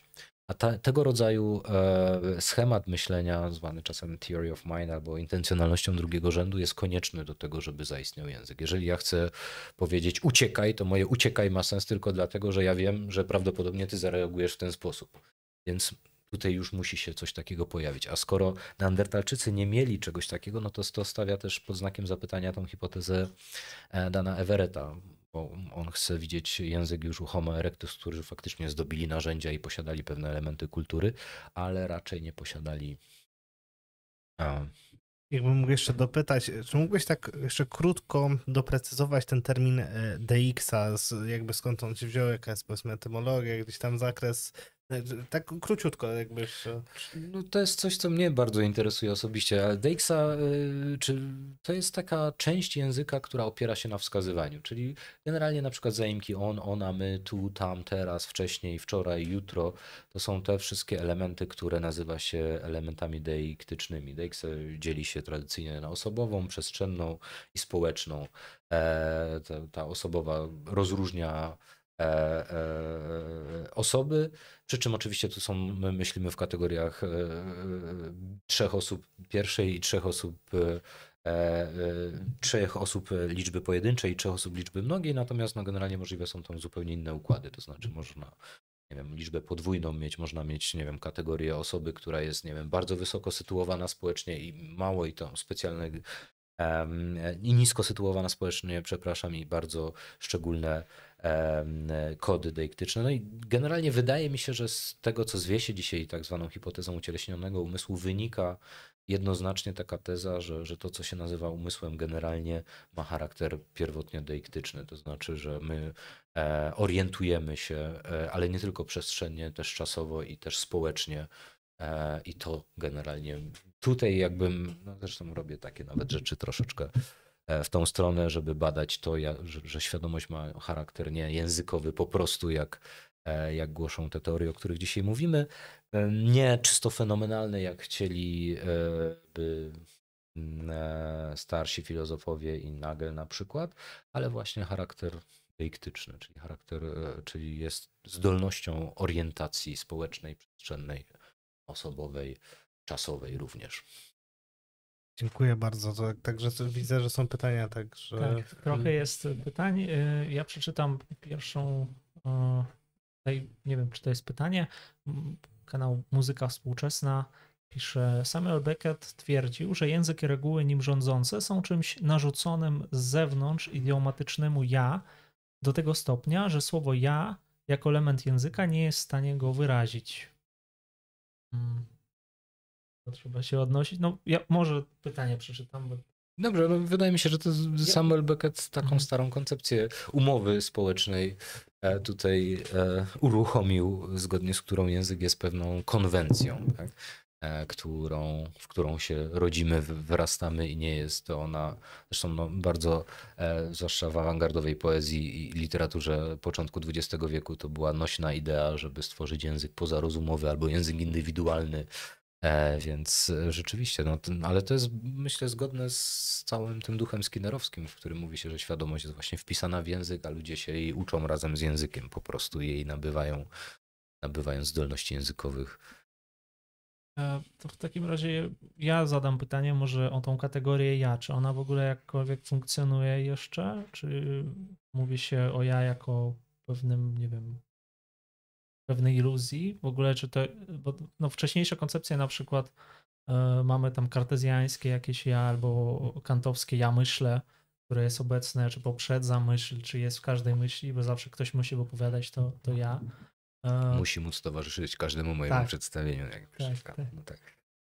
E, no, generalnie to zależy od koncepcji. Te, te, te wszystkie e, teorie ja, czy jaźni raczej, E, no one są dość, dość zróżnicowane dzisiaj. Nie ma jakby jednej e, oficjalnej i wiodącej teorii. Te koncepcje z jakby jaźni językowej e, no, przede wszystkim głosił to Gazaniga, który twierdził, że, że to ja jest tak jakby oparte na mechanizmie wtórnej racjonalizacji czy, czy fałszywej przyczynowości, że je się podkłada post factum jako pierwotną przyczynę pewnych zjawisk i działań, a tak naprawdę mamy do czynienia wyłącznie albo przeważnie z automatyzmami, a dopiero narracja, którą e, produkujemy po fakcie, wprowadza pewien porządek fikcyjny e, w, w splot zdarzeń, w których e, brało udział moje ciało i ja tłumaczę działania automatyczne mojego ciała jako to, że a ja chciałem, ja myślałem, więc zrobiłem i w związku z tym powstaje właśnie taka fikcja jaźni, fikcja jedności osoby e, wedle, wedle Gazanigi. Zresztą dość ciekawie empirycznie, chociaż na bardzo małym materiale badana na, na, na, na ludziach po komisu rotomi e, przede wszystkim. No ale z drugiej strony mamy koncepcję Nagela, który twierdzi właśnie, że ta świadomość fenomenalna, że to, że ja jestem tym, kim jestem, jest moim absolutnie pierwszym, najbardziej prywatnym, fundamentalnym doświadczeniem, którego jeśli bym nie miał, to mój świat by się rozsypał i nie można by mówić o jakimś podmiocie poznającym, który ma jakieś skoordynowane zachowania. Więc jakby cała sprawa jest dokładnie tak samo otwarta, jak była 100 lat temu, wydaje mi się, i, i cały repertuar e, argumentacji jest na stole i ciągle grze. E, dziękuję za odpowiedź. E, Jakub Kręcisz pyta, czy według pana doktora uprawiane jest twierdzenie, uprawnione jest twierdzenie, że pewne języki są predysponowane do uprawiania nauki, filozofii, na przykład język niemiecki ma bardziej uporządkowaną gramatykę lub łacina, która była podstawowym językiem w nauce przez wiele wieków. Czy e, raczej jest to, czy raczej była to kwestia polityczno-historyczna, e, że tak wyszło akurat w tych krajach i kulturach? Czy myślę, że to jest pytanie do poligloty, którym jeszcze nie jestem, e, i albo do osoby, która zna bardzo różne kody językowe. E, na tym poziomie wiedzy, jaki jest mi dostępny, ja argumentowałbym raczej za tą drugą tezą. E, to znaczy, jest tak, że filozofia jest możliwa w każdym języku. Oczywiście może być tak, że pewne kody językowe będą promowały pewnego rodzaju myślenie, E, a, a tłumiły innego e, rodzaju schematy myślenia. Natomiast no, no myślę, że, że tu, tutaj można to pokazać niekoniecznie na przykładzie filozofii, ale na przykładzie matematyki. E, mamy parę opisów, zresztą od wspomnianego Dana Everetta, opis matematyki takiego amazońskiego plemienia, które nazywa się Piracha i posługuje się językiem Piracha. Tam są cztery liczebniki.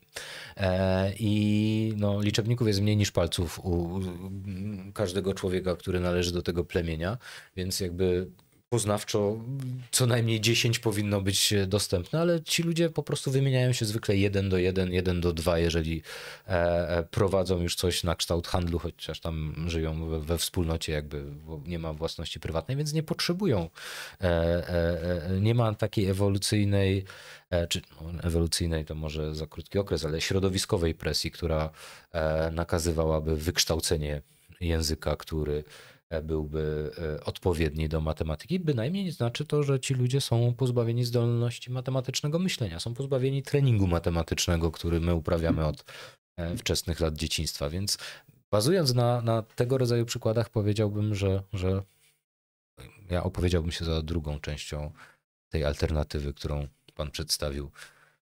To jeszcze pytanie i, i Ach pytam, jeśli istnieje związek między świadomością a językiem, to czy poeci dysponują meta świadomością? E, rozumiem to pytanie. No to jest dobre, podchwytliwe pytanie. Faktycznie e, wydaje się, że bezpośrednio musi wynikać taki wniosek. To znaczy, jeżeli mówimy o pewnym bogactwie językowym, a rozumiem, że poeta w tym pytaniu jest synonimem osoby, która włada e, bardzo bogatym i bardzo swobodnie bardzo swobodnie, bardzo bogatym językiem, a więc jej świadomość jest dużo bardziej wybujała, ciekawa, pełna meandrów i tak dalej. Dokładnie to wynika z hipotezy e, językowej świadomości. To znaczy poeci mają e, większą świadomość, a świadomość można właśnie mierzyć zdolnością operowania językiem, e, zasobami języka, swobodą tego operowania, o ile Skinner ma rację oczywiście. Czyli taka konsekwencja jest moim zdaniem oczywista tu w tych mocnych e, koncepcjach czy behawiorystycznych koncepcjach. Ja mam jeszcze pytanie od siebie. To takie pytanie, które chyba często pojawia się, jak się mówi o świadomości o języku. Czy świadomość zawsze myśli w języku? Na przykład e, świadomość myśli jakimiś obrazami i w jakim sensie, w takim razie, czym jest ten język, w którym myśli świadomość? No ja, ja na przykład nie wiem, mam pewne zdania, które wypowiadam, ale ja nie formułuję je wcześniej, żeby wypowiedzieć w tym momencie. Chyba, zacznę o tym myśleć, będę się skupiał, to faktycznie wszystko będzie nabierało tych kształtów językowych. No to jest kolejny e, bardzo e, ciekawy e, zarzut. To znaczy, no oczywiście wszyscy raportujemy takie doświadczenia myślenia obrazami. E, natomiast no, Skinner, e, rozważając ten zarzut, posługuje się takim prostym przykładem e, tego, że, że przynajmniej duża część świadomości ma charakter językowy. Jeżeli weźmiemy sobie takie zadanie, wyobraźcie sobie sześcian, który jest pomalowany na czerwono i który dzielimy na 27 kawałków w ten sposób, że tniemy, robimy dwa cięcia pionowe i dwa poziome. I teraz spróbujcie szybko policzyć w głowie, nie używając przedmiotów takich jak sześcian, ile jest e, e, ścianek czerwonych? Ile jest takich sześcianów z tych 27, które mają jedną czerwoną ścianę, dwie, albo trzy, albo wcale? No i, Skinner e, jakby próbuje pokazać, że za, zarówno jeżeli chodzi o tego rodzaju zadania, które są czysto wizualne, bo, bo próbujemy faktycznie w wyobraźni dzielić ten sześcian na 27 kawałków, jak i wszystkich innych jest tak, że my pierwotnie dużo lepiej nam się operuje na faktycznych klockach, które moglibyśmy pociąć, a potem policzyć, e, czy poukładać na kubki o ten z jedną czerwoną ścianką, ten z dwoma i tak dalej. I dokładnie tak samo jest e, e, z językiem. Jeżeli mamy problemy, które są sformatowane dla języka, dużo łatwiej jest nam je wypowiedzieć, czyli na przykład problemy arytmetyczne. Dużo łatwiej, zwłaszcza te, w których operujemy na większych liczbach, jest zapisać, obejrzeć to, czyli użyć pewnego e, e, symbolizmu. Możemy oczywiście robić to w cichym myśleniu i wtedy zawsze używamy raczej raczej e, języka czy ciągu symboli jakoś syntaktycznie sformatowanych, aniżeli obrazów. Ale sytuacja jest zupełnie analogiczna. Tutaj mamy do czynienia z pewnym z pewnym operowaniem, e, oper, operowaniem e, symbolami. Stąd też e, no myślę, że to jest dobry przykład. Jest bardzo duża część ludzi, która, która raportuje myślenie w obrazach, ale myślę, że, że, że tutaj są dość duże ograniczenia. To znaczy nie o wszystkim da się myśleć w obrazach i nie o wszystkim z drugiej strony da się myśleć w języku. Mhm. A zawsze jest tak, że każdy ten rodzaj rozwiązywania problemu może zostać za pomocą pewnych rozszerzeń, takich jak kartka i ołówek, tudzież mówienie do samego siebie, rozwiązany szybciej. Jest mnóstwo eksperymentów, które pokazują, że obracanie figur w wyobraźni i obracanie ich na papierze, tudzież w jakimś programie e, pokazuje, że to są dwa różne czasy. To znaczy w głowie rozwiązujemy problemy, ale bardzo wolno, natomiast w momencie, kiedy e, robimy jakąś zewnętrzną pętlę za pomocą jakiegoś symbolizmu, jesteśmy dużo szybsi. Więc myślę, że, że... Nawiązując do tego, co powiedziałeś, jest pytanie. E, Karolina Czernecka pyta, czy nie jest tak, że próbując przypomnieć sobie coś, obiekt, zdarzenie, osobę, myślimy przede wszystkim obrazami? No, tak, zdecydowanie. Myślimy obrazami, więc to jest też jakby kolejna, kolejny przykład tego, gdzie ta język. Ja, mhm. nie wiem, może powinienem się na początku przedstawić jako ktoś, kto się interesuje tymi koncepcjami językowymi, ale nie jest ich wyznawcą. E, więc e, bo, bo widzę, że, że niektóre pytania mają takie e, e tutaj w takim tonie padają. Pytanie pani Karoliny, pozdrawiam serdecznie. E, myślę, że, że zdecydowanie tak. No, istnieją tak jak powiedzieliśmy, takie mhm. zadania poznawcze, jak na przykład przypominanie sobie twarzy, e, które no, nie nadają się do języka. To może ja taką zrobię krótką przerwę, to znaczy zapraszam wszystkich do lajkowania, subskrybowania i wspierania naszego kanału. E, też e, przypominam, że jeszcze trochę nam zostało, więc możecie zadać te ostatnie kilka pytań i my będziemy zmierzać powoli do końca. E, Dawidzie, czy masz jeszcze jakieś e, tutaj pytania? A są od widzów? Ja mam cały czas dużo. Ja no, też mam dużo. Od widzów to... jest e, tutaj Radek Brewka, no przepraszam cię, ale napisałeś bardzo dużo różnych rzeczy, więc nie wiem, czy, czy my chcemy... Ja mogę przeczytać. Radek Brewka pisze, świadomość nie istnieje w powszechnie utartym magicznym rozumieniu. O wiele lepszym określeniem jest pseudoświadomość jako połączenie jaźni w czasie rzeczywistym odbioru bodźców plus reakcji mózgu programowej latami e, struktury neuronalnej, e, branej w dalszej kolejności w wyuczony latami sposób kojarzenia, na przykład ciąg dźwięków w wypadku osób, które nie są głuchonieme. Każda myśl, reakcja, jaka pojawia się w waszej głowie po przeczytaniu mojego komentarza, nie została stworzona przez was, przykro mi, ale przez wasz mózg jest zautomatyzowana. E, Radku, może powiedz, e, jaką koncepcję tutaj e, proponujesz?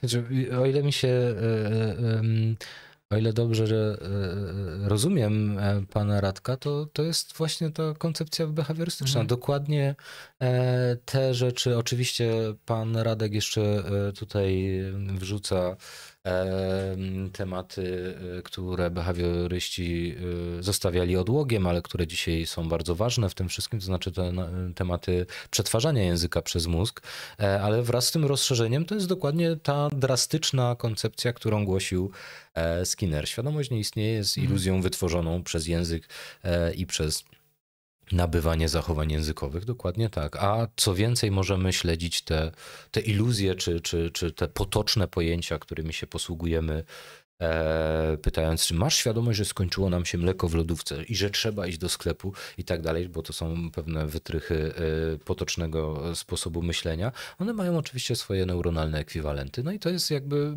ta najradykalniejsza wersja koncepcji językowej świadomości. Ona jest właśnie nabywana. No nie, nie uczymy się e, jako e, ludzkie zwierzęta e, zachowań poprzez szczytywanie aktywności neuronalnej mózgów naszych nauczycieli. Posługujemy się innymi formatami, przede wszystkim zachowaniem i przede wszystkim językiem, no ale właśnie w ten sposób wytwarza się coś, co Skinner nazwałby, za, tak jak pan Radek, iluzją świadomości. Ja mam takie pytanie odnośnie tej iluzji. Jak, jak by wyglądały warianty, które by prowadziły do takich, znaczy jakby, jakie są możliwości testowania empirycznie takiego modelu świadomości, o ile są jakieś?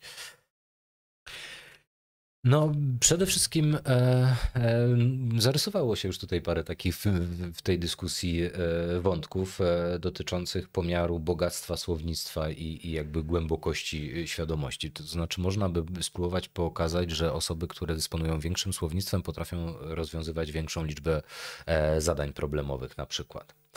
E, można by próbować pokazywać, że osoby, które e, dysponują ubogim słownictwem, nie dostrzegają pewnych rzeczy. Czyli po prostu w takim pierwotnym znaczeniu nie są świadome tego, że coś się na przykład znajduje w ich otoczeniu. Czyli trzeba czytać książki. Dokładnie tak, to jest myślę e, świetne motto, powrotem do książek. Y, przepraszam, że przerwałem. Nie, ja właściwie skończyłem. No myślę, że.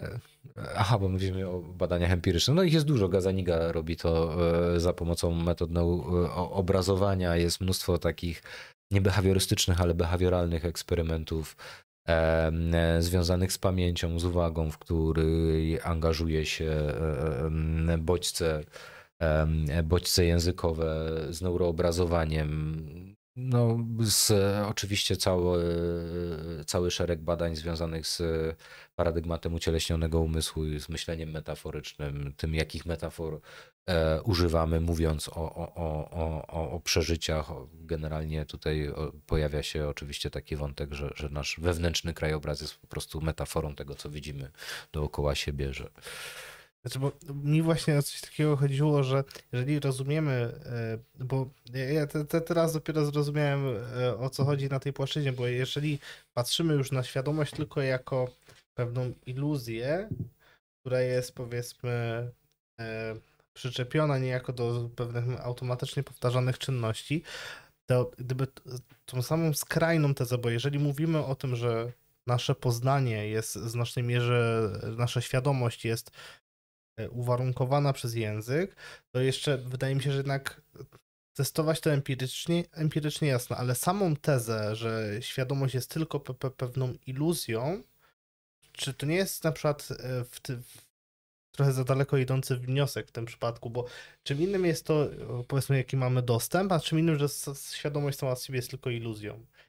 Jakby, chyba, że, że nie zrozumiałem, jakby, czy, czy, czy ten wniosek jakby, czy to się faktycznie przekłada, tak? No nie, ja, ja też bym się nie zgodził z tak e, radykalnym wnioskiem bynajmniej. Mi się wydaje, że on po prostu wynika e, z koncepcji Skinnera, co, mhm. co oczywiście wcale nie świadczy o tym, że, że, że jest prawdziwy, jest, jest pewną konsekwencją.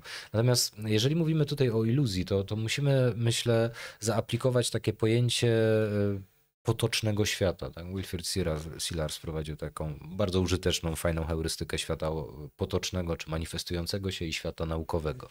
No i generalnie dzisiaj używa się pojęcia iluzji i chyba w takim znaczeniu użył go pan Radek, e, który nie neguje tego, że ludzie mówią o świadomości, że mamy takie e, coś, powołujemy się na to i używamy tego w naszych e, argumentacjach, tylko że to nie posiada żadnego ekwiwalentu w świecie nauki, bo w świecie nauki mamy właśnie pewne sekwencje od odpaleń neuronalnych mamy przetwarzanie języka w pewnych e, ośrodkach mowy, no i to jest pewien wytwór taki kulturowo-społeczny i w tym znaczeniu rozumiem należałoby mówić o, o, o świadomości jako iluzji. No i taką koncepcję głosi Dennett na przykład albo e, e, głosi e, Gazaniga.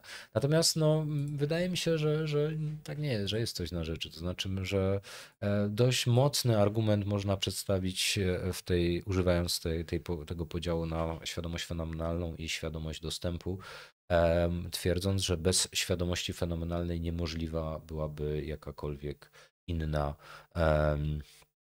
e, inny rodzaj świadomości albo w ogóle nauka. Generalnie jest taki e, kanadyjski filozof, on się nazywa Siger, który nazywa to tak zwanym transcendentalnym misterianizmem.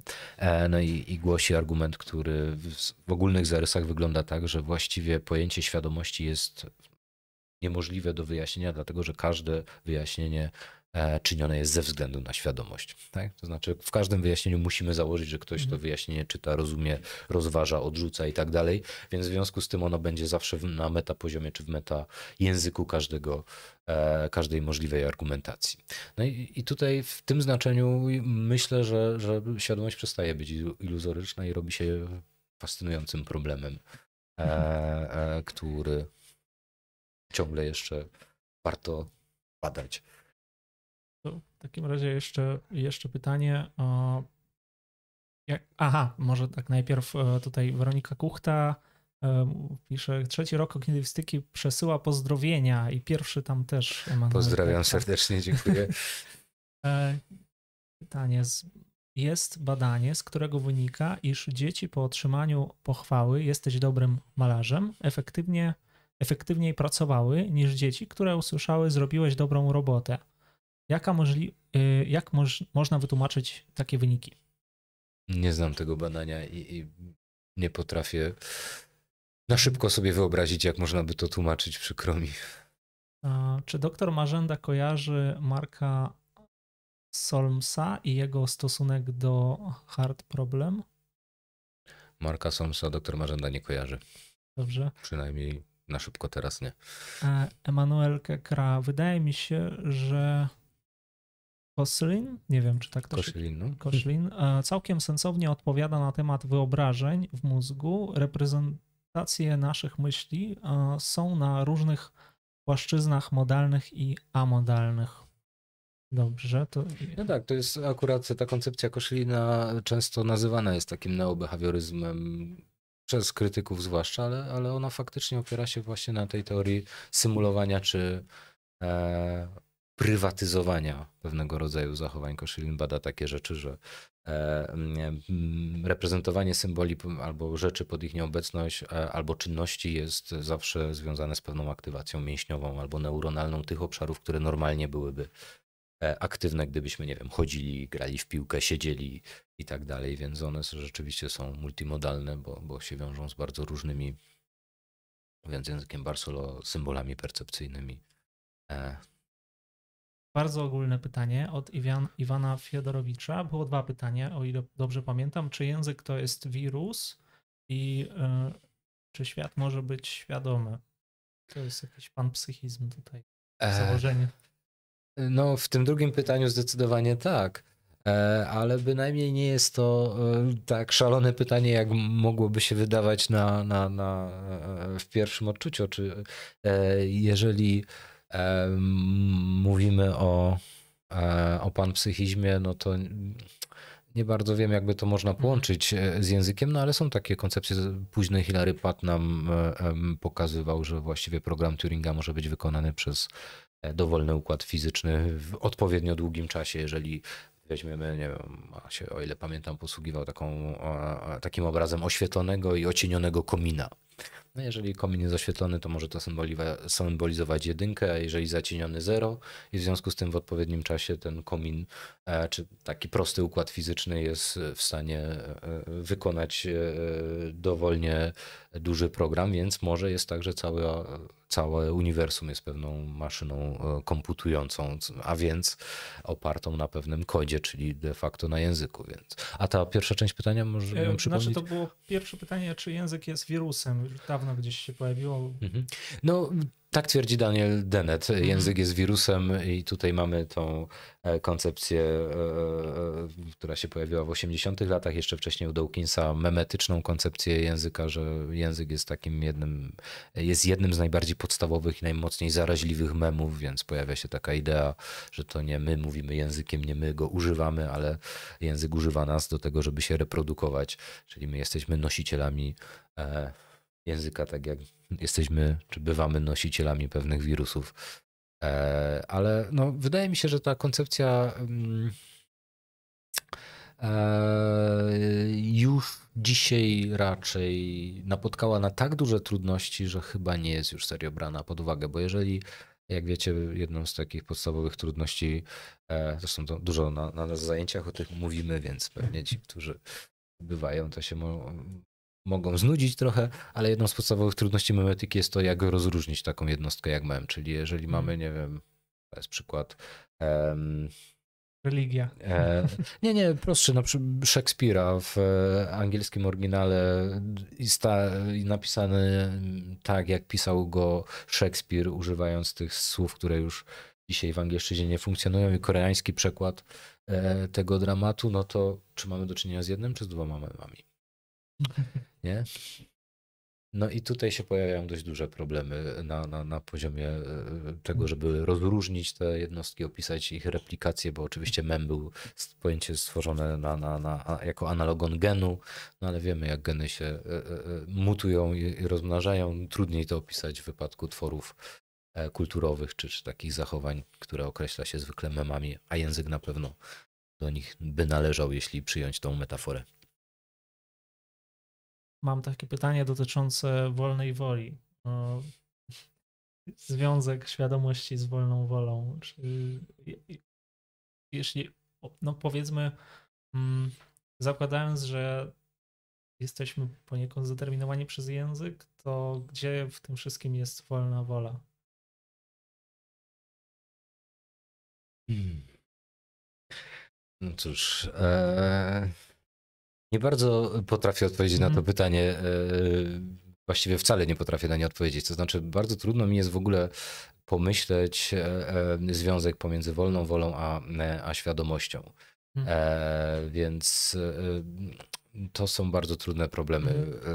E, Znaczy, ja problemy rozumiem, wolnej woli. mi bardziej o takie w ogóle postrzeganie tego problemu wolnej woli w filozofii umysłu czy. Znaczy, no, no oczywiście tam jest, jest kilka modeli. Y, Te modele, które są związane z językiem, no to głosi na przykład Gazaniga, który twierdzi, że jakby no, nie ma mowy o wolnej woli, to jest y, pewien wytwór e, dyskursu tak naprawdę. E, no ale jest to bardzo poważny e, wytwór e, dyskursu. To samo głosi Dennett. Wyobraźcie sobie, co by się stało e, ze światem e, prawniczym na przykład, gdybyśmy zrezygnowali z pojęcia wolnej No tak. woli. Nie? Więc jest to konieczne założenie naszego sposobu bycia i naszego sposobu funkcjonowania w przestrzeni znakowej, językowej, argumentowania na sali sądowej e, i nie tylko. Natomiast e, być może jest tak, jak e, by znów nawiązać do tego, co pan Radosław tutaj powiedział, jest to pewna iluzja potoczna, to znaczy jest to pewien potoczny sposób myślenia, który nie ma przynajmniej na razie żadnego korelatu w obrazie naukowym. Tak chcą widzieć Mhm. ten problem e, Dennett i Gazaniga. E, Dennett jeszcze pokazuje dość... Gazaniga jest tutaj właściwie kończy na tym, natomiast Dennett pokazuje jeszcze dość ciekawą rzecz związaną z wolną wolą, ale już zupełnie niezależną od e, problemów języka, mianowicie taką, że wolna wola jest być może e, czymś, co jest zależne od nieokreśloności e, ogromnej liczby czynników. Więc wolna wola jest po prostu niemożliwością przewidzenia. My uważamy siebie nawzajem za ludzi wolnych i, i siebie samych za ludzi wolnych, dlatego że nie jesteśmy w stanie do końca przewidywać własnych i cudzych zachowań. I, i to, e, tą, ten brak w naszych predykcjach potocznego e, działania i, i, i codziennego życia zwykliśmy nazywać po prostu e, wolną wolą i przypisywać temu zjawisku pozytywny charakter. To jest do- dość ciekawa koncepcja, którą głosi Dennett. Popierają taką metaforą e, e, formalną, to znaczy jeżeli weźmiemy dwa programy szachowe, które są identycznie napisane, e, ale opierają się na generatorze liczb losowych i grają na, na tym samym poziomie ze sobą, to one prawdopodobnie nigdy nie rozegrają dwa razy tej samej partii. E, One są zupełnie zdeterminowane, bo programy są napisane tak samo w obu wypadkach. Natomiast e, fakt, że, że korzystają z generatora liczb lo- losowych, e, będzie sprawiał, że, że każde rozwiązanie jest, czy każda sytuacja, która pojawia się w kolejnych partiach, jest nowa. Taka, która nie, nie, nie, nie zaistniała wcześniej. No i to jest de, de facto może służyć za pewien obraz e, e, e, wolnej woli. To znaczy, nasze zachowania są też w ten sposób zdeterminowane, bo jesteśmy no, w pewien fizyczny sposób na trwale skonfigurowani, ale nie określeni co do pewnej losowości. Wydaje mi się, że zawsze pozostaje jakaś determinanta, to znaczy autodeterminanta, że my jesteśmy w pewnym, no coś musi być, co wybiera pomiędzy tymi różnymi opcjami. No, ze względów pragmatycznych to też zakładamy i Mhm. no, pytanie jest, czy da się to udowodnić. To jest, no, rozumiem, to jest, to jest bardzo trudna kwestia, szczególnie w filozofii. No nie mam pojęcia, czy da się Mhm. to, to, to, to udowodnić. No z drugiej strony może być tak, że, że można, mm, myśmy wyegzorcyzmowali te, te, te wszystkie iluzoryczne pojęcia, Tak. ale może być tak, że, że można powiedzieć, że one istnieją dokładnie tak samo, jak istnieją takie byty jak małżeństwo na przykład, albo umowa kredytowa z bankiem. Nie? To tak naprawdę jest kawałek e, papieru, albo pewne e, miejsce na dysku zapisane, a to, że my nazywamy to umową kredytową małżeństwem, czy e, byciem zobowiązanym do czegoś, właściwie nie, nie ma się nijak do tej fizycznej reprezentacji, więc być może trzeba powołać tutaj znowu to, od czego zaczęliśmy, czyli trzeci świat e, w naszej jeszcze dyskusji przed, e, e, przed streamem, żeby zagwarantować istnienie zarówno małżeństwa wolnej woli i niestety, ale umów kredytowych z bankiem.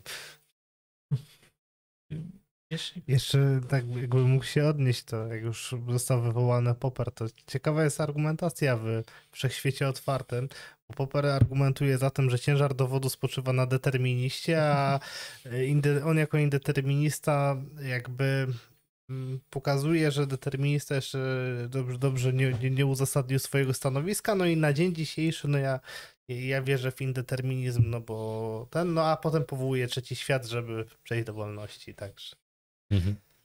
jakby to tak podsumować, myślę, było Pytanie mm, między innymi nawiązujące do tych światów, od których tutaj zaczęliśmy poniekąd, e, o świadomość i rzeczywistość. E, Jeśli chodzi o taki paradygmat, no, mamy ten ontologiczny, epistemologiczny, lingwistyczny.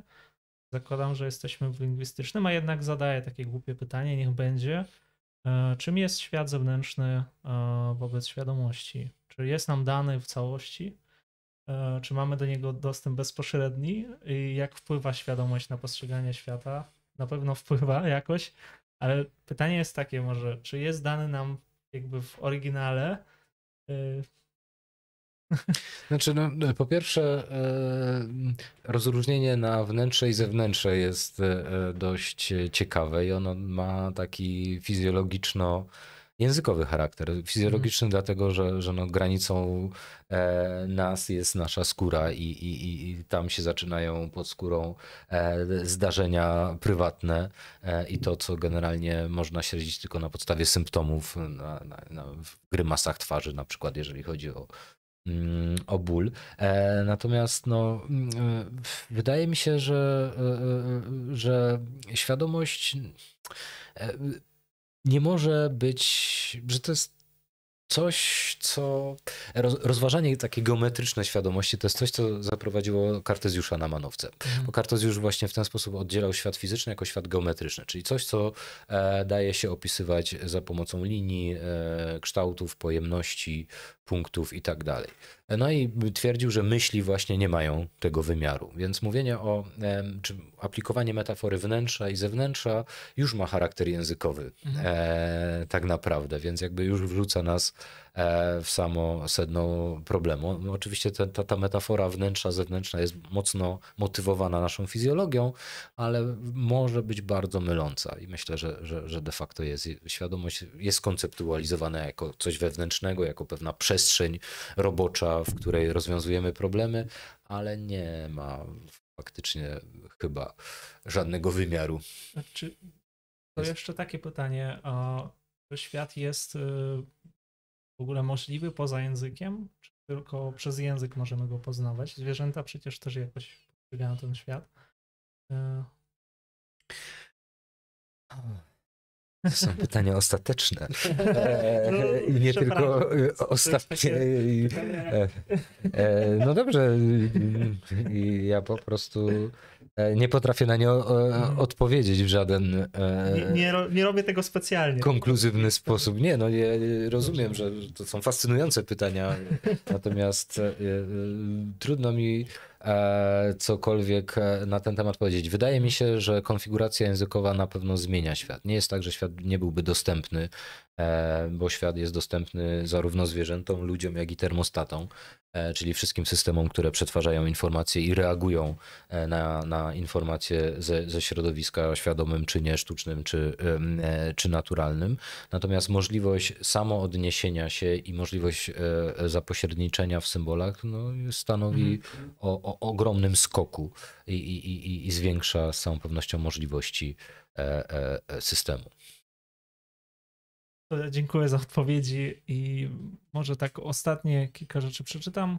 E, Radek Brewka napisał Wolna wola równa się zdeterminowany efekt motyla, ale ze względu na charakter big data tego zjawiska nie jesteśmy w stanie e, nie jesteśmy w stanie tego ogarnąć, więc postrzegamy to w formie przyjemnej dla mózgu wolnej woli. No tak, to generalnie Dennett chciał po, chyba po, pokazać, że, że wolna wola jest takim, taką łatą na, na tej dziurze e, w naszych predykcjach. Mhm. E, To jest taka dość e, popularna dzisiaj koncepcja mm, mm, wolnej woli, która. No, wspominaliśmy o tym, nie? Dobrze, to ja myślę, że będziemy skończyć już. Dawidzie, czy masz jeszcze jakieś pytania? Znaczy ja na razie chyba już nie mam pytań, nie będziemy.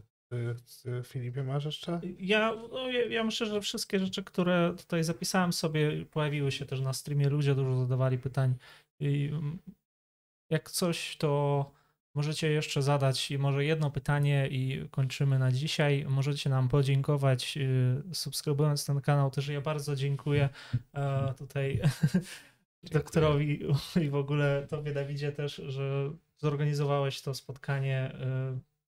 Ogromne dziękuję, naprawdę. Dziękuję, było mi bardzo miło. Dziękuję bardzo. To dziękujemy i do zobaczenia o, za tydzień.